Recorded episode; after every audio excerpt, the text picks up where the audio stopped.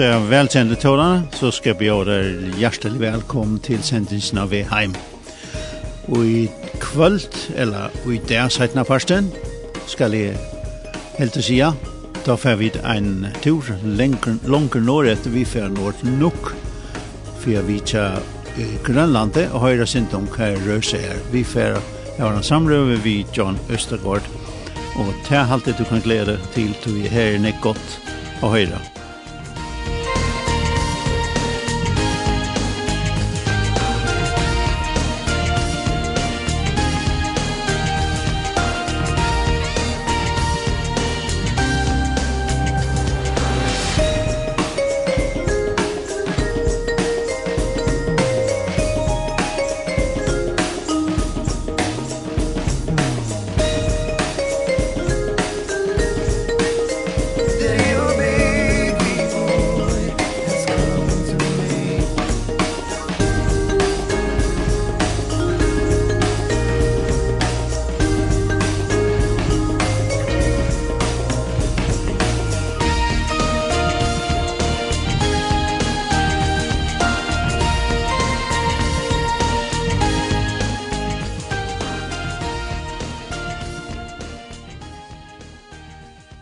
Men sjålande skulle vi høre jeg synes det går en tonleitje, og eh, vi får at spille et uh, helt uh, nytt og fruktlig som uh, Peter Hedlund og hans arbeidke hever giv ut, forstått han har alltid kommet ut nå, kommer ut nå om vikeskiftet, og det er en fløve som heter Hjerteslag, og to, to er evig, du er sendt.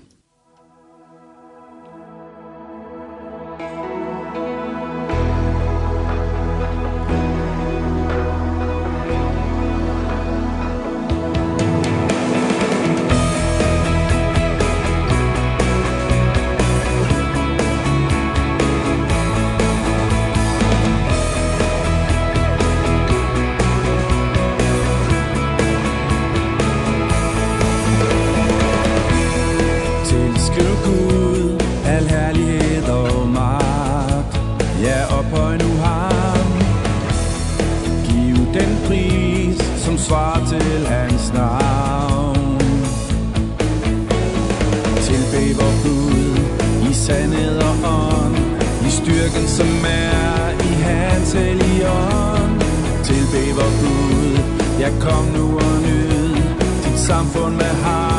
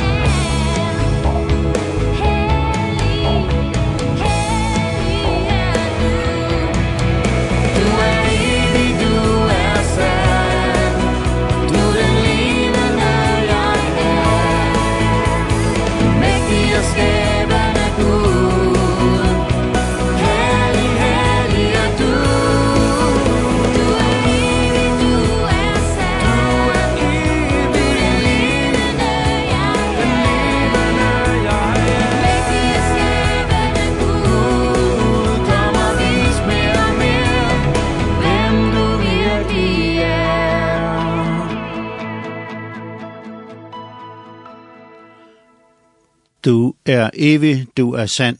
Det var Peter Hedlund som uh, framførte dette leie i fjokken, og vi får høre Sintemeier fra Peter nå uh, mandagen og i morgensendingen uh, av Bilse langt. Og det var et, en samrøv vi honom om hatt leie og anna kvart rør seg hans liv. Og Arne fer ikke uh, grønland opp, så får vi lykke høre dansk leie til at det er Skywalk lovsang som synger her for okkon din er æren.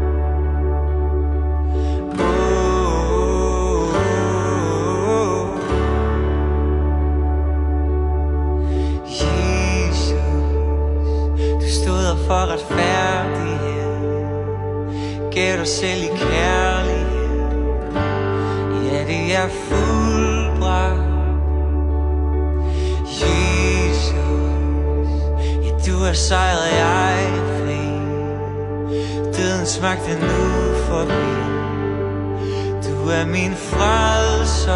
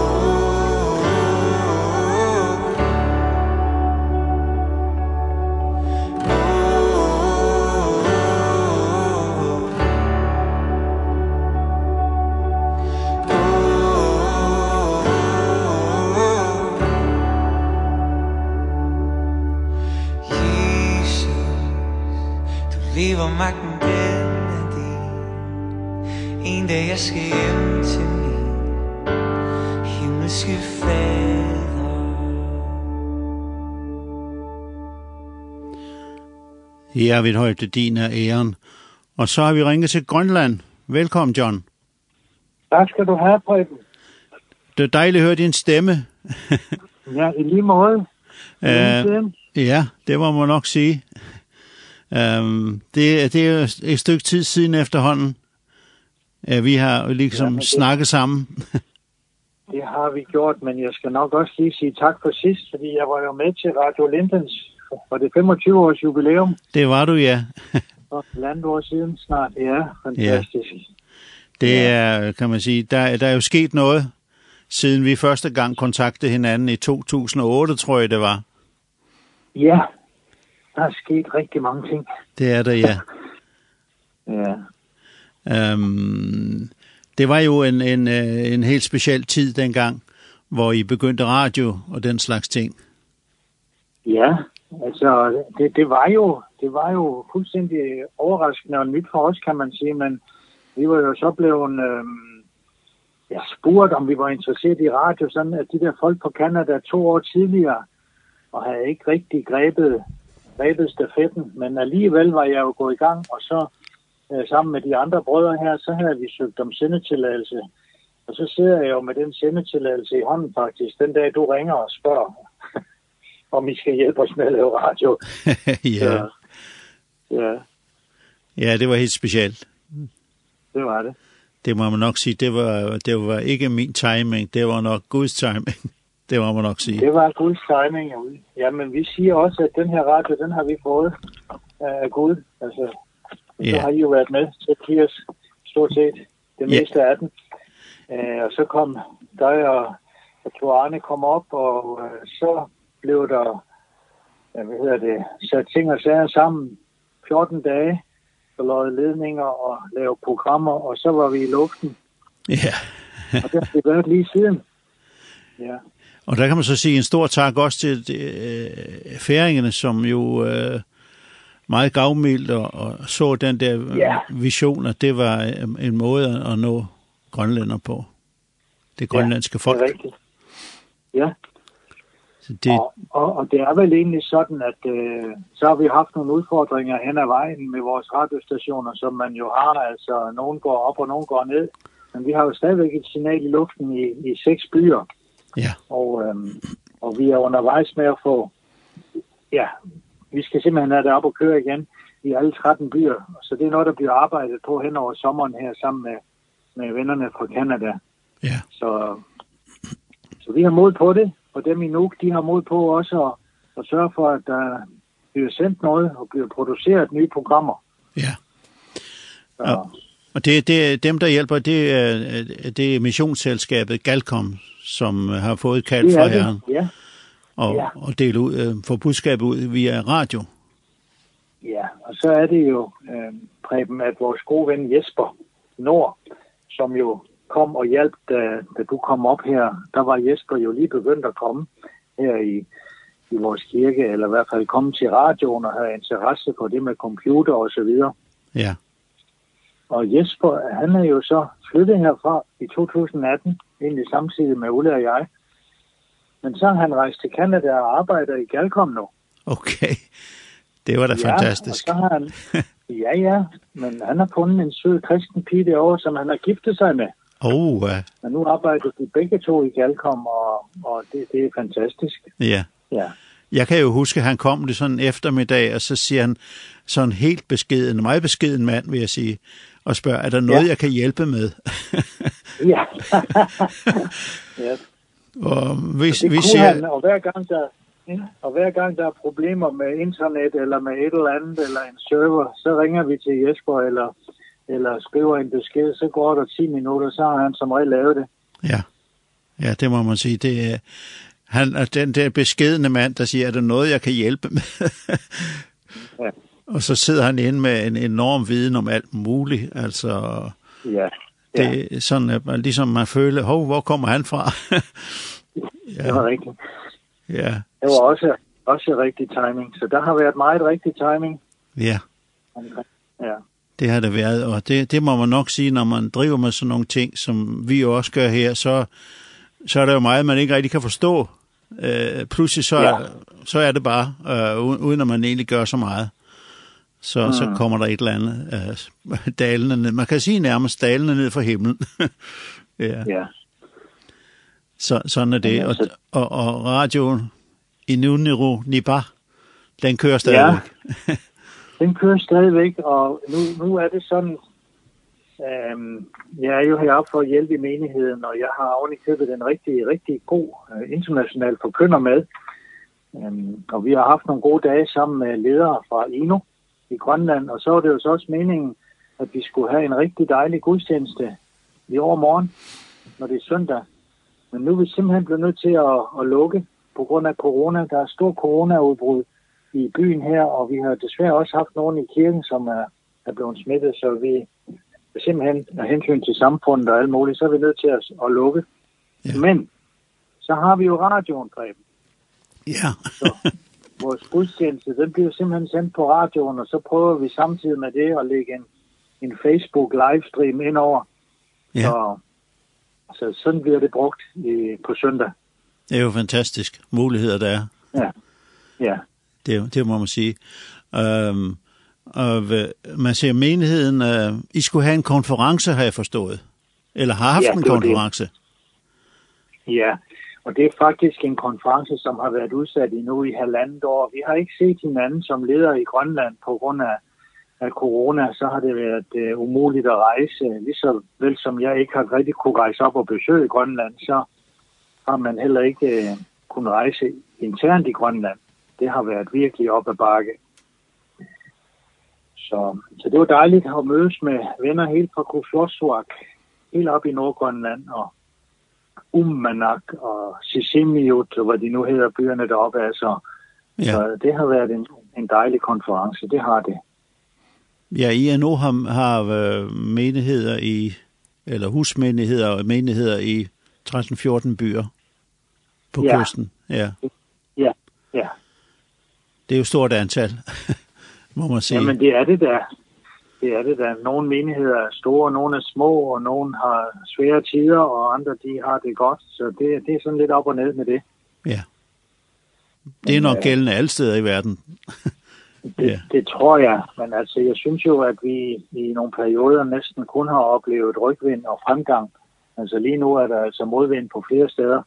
Ja. Og, og, og det, det, det er så Jeg ved ikke, om det er okay, men det er den situation, vi er i.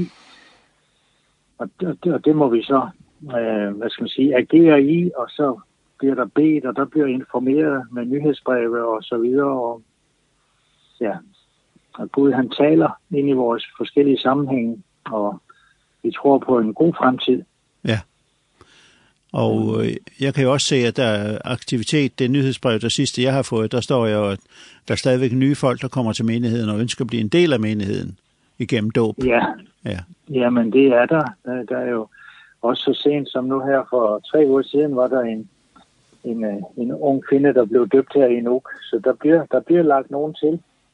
Og så har jeg jo så ikke været her i et stykke tid, og så pludselig så er der jo gudstjeneste. Der var jo 100 mennesker til gudstjeneste i søndag, så jamen halvdelen er jo nogle mennesker, som jeg faktisk ikke kender, fordi det er nye, som er, er kommet til, ja. siden jeg forlod i 18. Ja. ja. Så, så det er jo også dejligt. Ja. For, lidt, lidt tilbage i historien, for, for lytter måske kan, kan forstå lidt af det her. Øh, Uh, I kom til Grønland, uh, I, var, I var der i alt i 30 år eller 25 år? Nu, nu, øh... Ja, 21, 31, år. 31 år. 1987, ja, fra 87 til 2018. Ja. Det var vores, det var vores tid. Ja. Prøv, prøv at beskrive menighed, beskrive menigheden, da du kom derop. Jamen, uh, den plejer vi at beskrive som fem danskere og to grønlandere. Og, og, og grønlænderne, de var som regel beruset i løbet af ugen, og kom så om søndagen og sad og sang med på sangene. Ja. Det var, det var niveauet. ja. Og, øh, og, og det voksede så stille og roligt, altså, men øh, ikke, noget, ikke noget rigtigt i de, der, i de der første år. Der havde jeg jo job som skolelærer og brugte så det meste af dagen i skolen, og så hjem efter skole, og så prøve at, at holde kirke og drive missionsarbejde. Det var, det var ikke nemt. Men så fra, fra 1992 der er det jo, jeg bliver udsendt fra Apostolsk Kirke i Danmark med en fuld løn, en pastorløn. Mm. Og øh, der må man sige, efter det, så begyndte der at ske noget, altså med hensyn til antallet af mennesker. Der vokser menigheden. Ja. En stævn, en jævn øh, vækst. Ja. Øhm, da vi forlader menigheden i 2018, så er der en forsamling på omkring 130 dygte medlemmer. Ja. Og ofte var der 150 til gudstjeneste, altså der var virkelig, der var virkelig gang i det. Ja. Plus børn. Plus børn. ja. ja, det er rigtigt. Og øh, I, ja. I blev også nødt til at udbygge menigheden ud. Der var jo ikke plads i de eksisterende Nej, lokaler. Altså det, ja, men processen var jo den, at vi havde det gamle, gamle kirkebygning, og så var det faktisk sådan, at den var bygget lidt snirklet, så, så når vi skulle foretage en begravelse, så kunne vi faktisk næsten ikke få kisten ind i kirken og det var rigtig kikset, så jeg begyndte at lave nogle tegninger på, hvordan man kunne ændre på det, så man fik en lidt større indgang og, og sådan noget. Så det var et meget lille byggeprojekt. Men så fik vi besøg af Hans Bernsen der i 2002, og så skal jeg da love for, så på fire dage, så vokser menigheden. Og den efterfølgende 14 dage, kan man sige, efter kampagnen, så vokser menigheden fra 40 medlemmer til 80 medlemmer. Ja og så måtte vi bare bygge en større kirke. ja. Hvad, hvad, hvad vil du sige, altså, altså vi, vi kender, alle kender, eller mange kender Hans Bernsen og ved, uh, kender hans uh, stærke uh, mission, hvor han beder for mennesker ja. og folk, og de, uh, de, bliver, de bliver rask. Ja. En, en, en stor del af dem i hvert fald får en berøring af Herren, ja. og, og deres liv bliver faktisk endevendt. Mm. Og er det, er det, det er let for, for folk på Grønland for at modtage den slags ting? Ja, det har det været. Altså, jeg, jeg synes jo i, i alle årene, at jeg har oplevet, at der er en stor åndelig åbenhed. Altså, så, så det har ikke været svært og øh, at få folk til møder. Og så, så dengang, da Hans Bernsen kom, så var han, han er jo den der joviale, glade øh, glade type med glad kristendom, og, og, og det, det faldt virkelig i grønlandernes smag, så han gik lige ind. Og, og de efterfølgende besøg har der jo været, øh, ja, nu har jeg nær sagt tusindvis af mennesker, det er ikke engang løgn. 2018 havde vi en dag, vi havde lejet en halv, der var over 1000 mennesker til møde med Hans Bernsen.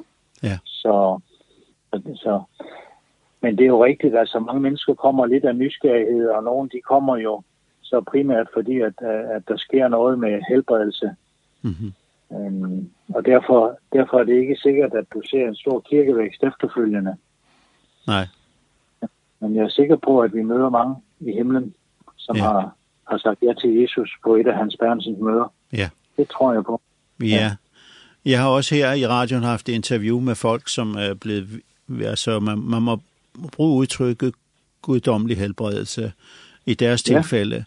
Og de har så ikke knyttet sig til en kirke, men lavet sådan deres egne små menigheder, hvor de, husmenigheder, hvor de går rundt og vidner for mennesker og inviterer folk ind til ja. en kop kaffe. Uh, fungerer ja. på en helt anden, anderledes måde, end vi havde tænkt os. Men, ja. men, men de evangelister simpelthen. Ja, jamen det er også fantastisk. Altså. Ja, det er det. Um, John, uh, jeg ved, du oplever mange ting med herren og, ja. og på Grønland, og, og du har sikkert også nogle, nogle øh, historier, du gerne vil have lov at fortælle os. ja, Jamen det, det gør jeg både på, på Grønland, altså nu, nu kan jeg ikke huske, om jeg har, fort, har jeg fortalt den med damen på intensiv. Nej, det har du ikke. øhm, nej, 2018 blev jeg ringet op, øhm, og det er faktisk en af mine sidste, min, min sidste besøg på hospitalet i, i Nuuk. Og meget ofte var der syge, som ringede til kirken, om vi kunne komme ned på hospitalet og bede. Og så er der så en ung mand, som, som kom i vores kirke. Han ringer og siger, min mor hun er blevet meget syg, øh, om jeg kunne komme og bede for hende. Så vi går på hospitalet, så viser det sig, at hun har været igennem en operation, og så er hun, der er noget, der er gået galt, og nu ligger hun i koma på intensivafdelingen med, øh, du ved, ledninger og slanger og monitorer og alt muligt og, og jeg ved ikke, hvordan, øh, hvordan du har det, men jeg havde det sådan, at jeg tænkte, det her, det er altså op ad bakke. Ja. Yeah. ja.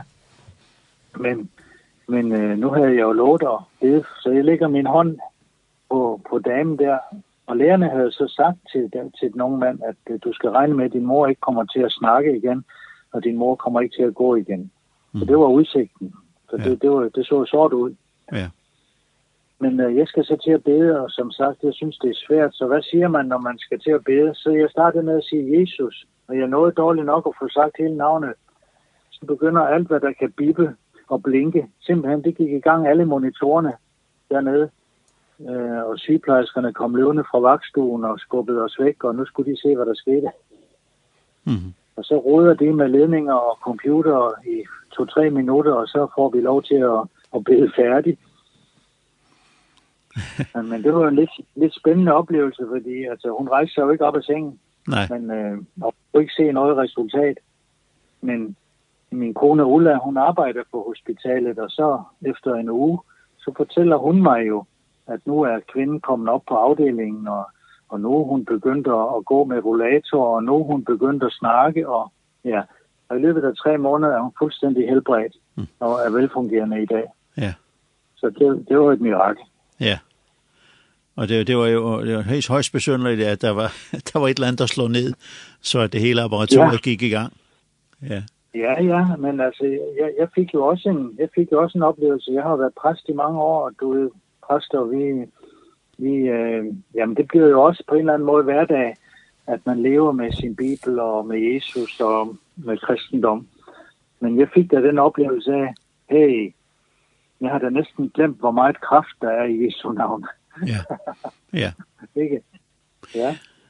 Det gjorde jeg, første gang jeg, jeg mødte dig, vi kom op der, så fortalte du en del historier, hvordan, hvordan mm. øh, du blev ledt ind i de, uh, i, i, kan man sige, at bede for mennesker, og også mennesker, der var måske bundet af, af, af mørke, ja. mørke magter, hvis vi siger det på den måde. Uh, Ja. Fuldstændig overraskende, fordi det var ikke noget, du havde ja. mødt andre steder nej, altså, der, der, der kom jeg jo ganske ung. Jeg tror, jeg var 32 år, da jeg kommer til Grønland, og, og kommer, ind, kommer jo med en eller anden erfaring fra det danske kirkeliv, og der var der ikke dæmoner og uddrivelse og sådan noget der. Det var ikke almindeligt.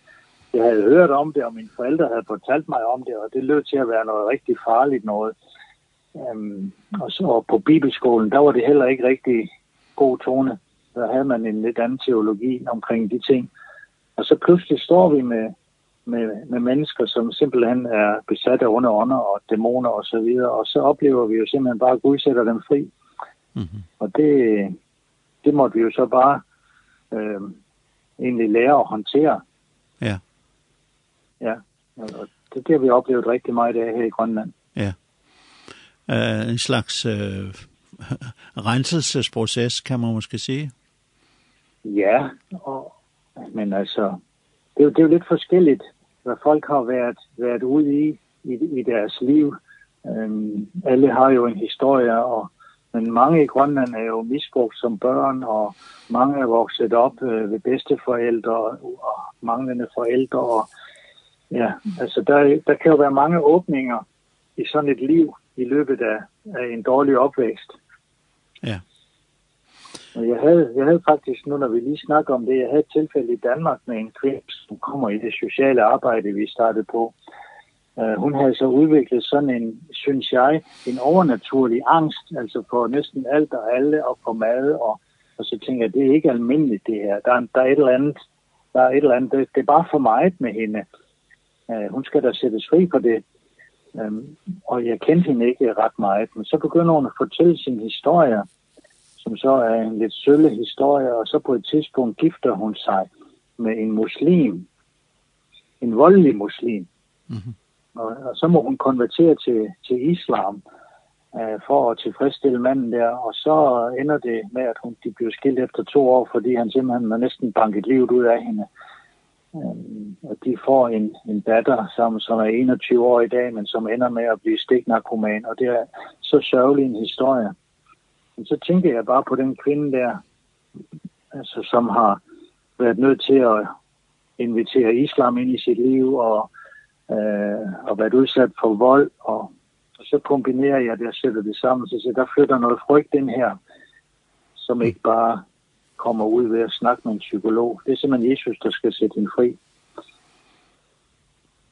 Ja. Ja. Ja. Uh, vi, det har det oplever vi også i Danmark Ja. Snak endelig. Ja. Ja, ja, nej, jeg siger, det oplever vi også i Danmark. Det er ikke kun i Grønland, men ja. i Grønland har vi så derimod oplevet en meget større åbenhed omkring det, og, og det, det, det, det er lettere at håndtere her på en eller anden måde. Ja. Fordi at, det er ligesom om grønlanderne lever med den der åndelige dimension. Det er tættere på. Ja, det er det, ja. Øhm, um, ja. Det har været meget aktuelt i det sidste stykke tid med på grund af Nordisk Råds litteraturpris som, ja. blev, som blev uddelt til en, en ung øh, grønlandsk kvinde, der skriver. Og hun har skrevet mm -hmm. en bog, der hedder Blomsterdalen, tror jeg, på dansk. Ja. Øh, hvor, ja. hun, hvor hun behandler øh, emnet selvmord blandt unge ja. mennesker. Mm. Og nu, nu var du inde på det ja. lige før. Øh, ja. Mm. Har du lyst til at sige noget om det? Ja. Ja, det kan jeg godt, fordi det, det, det er jo noget af det, som så stiller de arktiske lande ud for blandt andet så færgerne og danske samfund. Det er den der høje selvmordsrate, der er, som, som primært rammer de unge mænd. Altså, det, de, de fører i den der kedelige statistik. Og, og, og, og det er ligesom om, at der er en åndelig magt, som er anderledes her end, øh, end andre steder. Ja. Ja. Er det noget, som I møder i menigheden også? Øh? Jamen, øh, ja, vi møder, vi møder det også desværre, kan man sige, at vi, vi møder situationer, hvor der er faktisk øh, familier øh, i menigheden, som så kommer i, i kontakt med os, og så, som oplever selvmord i deres, i deres egne familier, eller ja. har haft det tæt på livet. Ja. Det er en kedelig ting, men altså, det er også rigtigt, som du siger, det er noget, man har fokus på i samfundet, så nu er der så værtslige forfattere i Grønland, som begynder at og sætte ord på det, i tale sætte det, og det er jo en god ting. Ja. At der er nogle ting, der kommer op i lyset, men altså det, det er ikke bare noget, der kan løses politisk, og det er ikke kun på grund af, af social nød. Altså der er en åndelig virkelighed bag os, tror jeg. Ja, ja.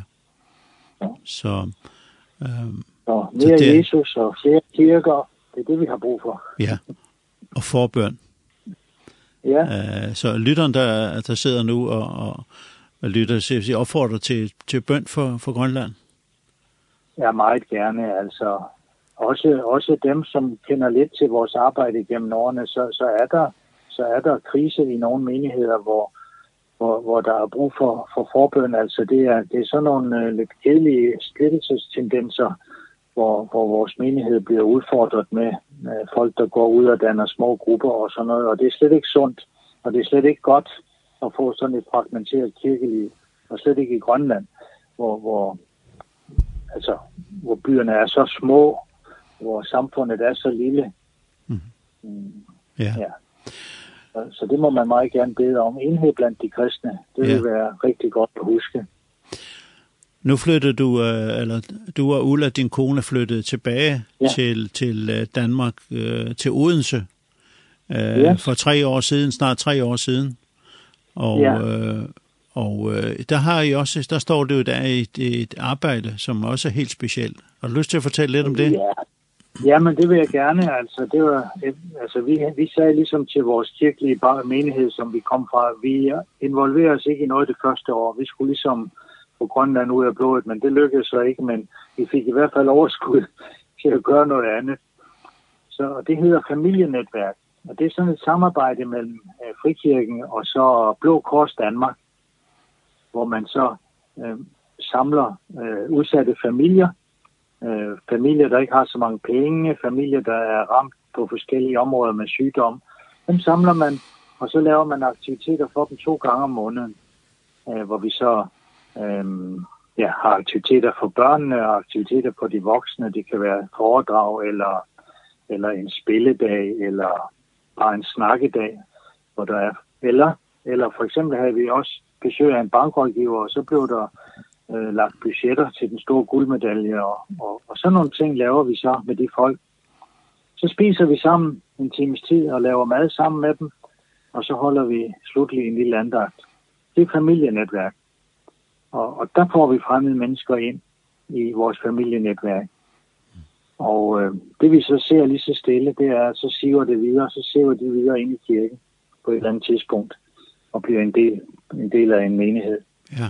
Så det er, det er rigtig skønt arbejde. Ja, det vil sige, der er et tæt samarbejde mellem, mellem menighed og, og, og Blå Kors. Sådan er det rigtigt ja. forstået? Ja.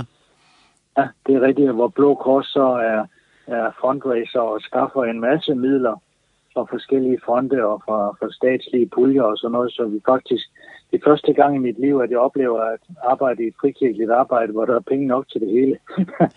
ja. ja. Så det er jo, det er specielt. Det er godt nok. Ja. ja, det er lidt specielt. Ja. Øh, nu, nu har vi snakket Grønland, og vi har snakket lidt Danmark. Um, mm -hmm. Nu har jeg jo selv haft den glæde at få lov at bo øh, på Grønland i et år og får lov til at besøge jer i forbindelse ja. med radio og sådan noget. Uh, ja. Der opstår sådan en, uh, en stærk, uh, stærk bånd, når du har boet i Grønland et stykke tid og været deroppe, som, som er meget svært. Uh, det kan du ikke slippe af med. Ja. Det er der bare. Ja. Hvordan er det for ja. dig uh, nu at Jamen, være flyttet til Danmark? Ja. Jamen, det, det, det er jo lidt på samme måde. Altså, jeg har brugt så meget af mit liv heroppe, og, Og så lige den situation, vi er nu, hvor der er nogle problemer i menigheden og sådan noget, så der er ligesom ikke rigtig andre, desværre, der ligesom kan tage sig af det, så, så falder det tilbage på mig, og så gør jeg det bare. Ja. Så, så jeg rejser op og hjælper i menigheden. Jeg har været heroppe i sommer sammen med nogle tømmer, og vi har renoveret en bygning, og, og på den måde der. Vi kan simpelthen ikke bare lade det ligge. Det er, det er et must. Det kan. så, ja. Og jeg er så på den anden side også glad for det så går, så går jeg tur i byen, og så møder jeg jo folk, nej, er I kommet tilbage igen? Ikke også? øh, jeg kun, kun for en kort bemærkning, men altså, det er bare så dejligt at være Ja, ja. Du, du, bliver, du bliver omfavnet, simpelthen. Ja. Det er du. Ja. Ja. Man ja, må ja, ja, ja. Du, du skal lige høre en lille historie mere fra Grønland. Den, den, den tror jeg, du kan lide. øhm, så møder vi så Ulla og jeg, det er i august måned, vi møder så nogle bekendte hen i brusen, og det er så en, øh, en håndværker, som virkelig blev mødt af herren med helbredelse, da Hans Bernsen var her, og fortæller om, at hans ryg blev totalt helbredt, og så, så står han så dernede i brusen, og, og vi har ikke set hinanden rigtig længere, han er i, i smerte, og han kan ikke arbejde mere, fordi hans ryg er så dårlig nu, og så siger han, jamen det holdt ellers længe, men så faldt jeg i et hul, siger han, ja, ikke et fysisk hul, men han kom bort fra herren, og så oplevede han, at han mistede sin helbredelse, og det blev dårligt igen. Mm -hmm. Og så siger han jo til mig, John, kan du ikke give mig adressen på Hans Bernsen? Jeg vil gerne rejse ned og besøge ham. Jo, det kunne jeg da godt, men uh, jeg tænkte, at vi kan også bare 10.000 her og bede for dig ned i brusen. ja.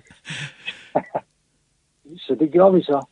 Og så oplever han jo bare der nede i brusen mellem mælkekartongerne, at, at Gud simpelthen rørte ved ham. Helligånden kom simpelthen over ham, så han blev helt uh, svimmel, så siger han, jeg tror ikke, jeg kan køre bil lige nu.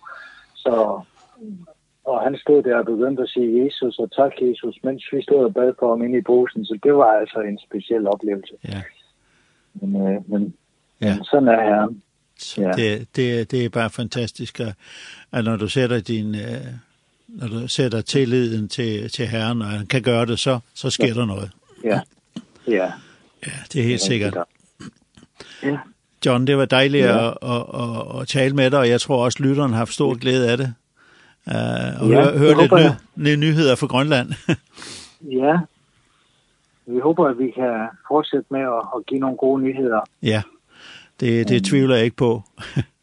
ja. Så tak for det, at vi kunne ringe dig op. Uh, ja, velbekomme, og ja. tak fordi jeg måtte. Ja. Det er altid en glæde. Ja. ja. Tak for det, og have det godt, og hils omkring dig. Det gør jeg. I lige ja. måde, Preben. Ja, hej hej. Ja.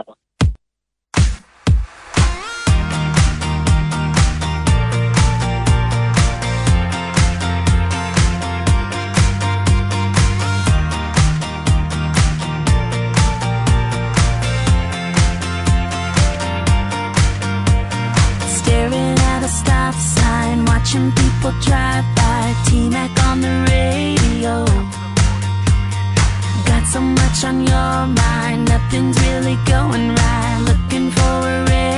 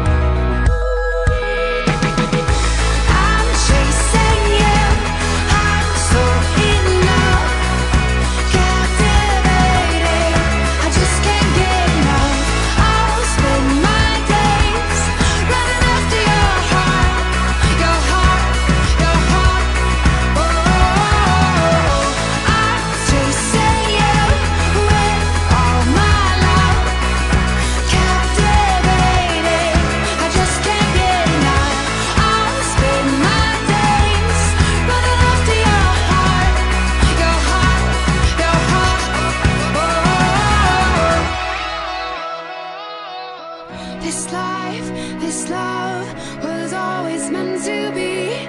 Oh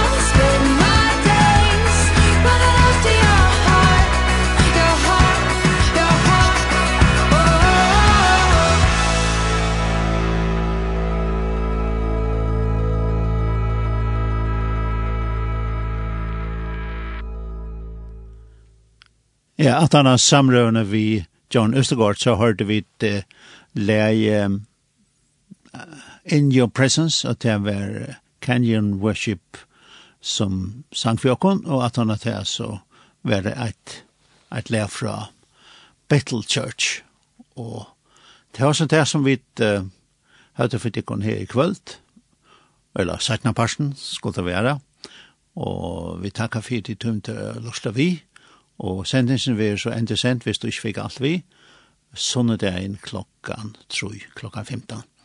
Og vi får enda vi lære her, Jesus my treasure. Could never satisfy my heart Even the greatest pleasure Only gratifies in part All that this world can offer never compare to you all you are. You are my greatest treasure. The desire of my heart. Never it costs me I give it a free. Whatever you ask me I gladly Jesus my treasure.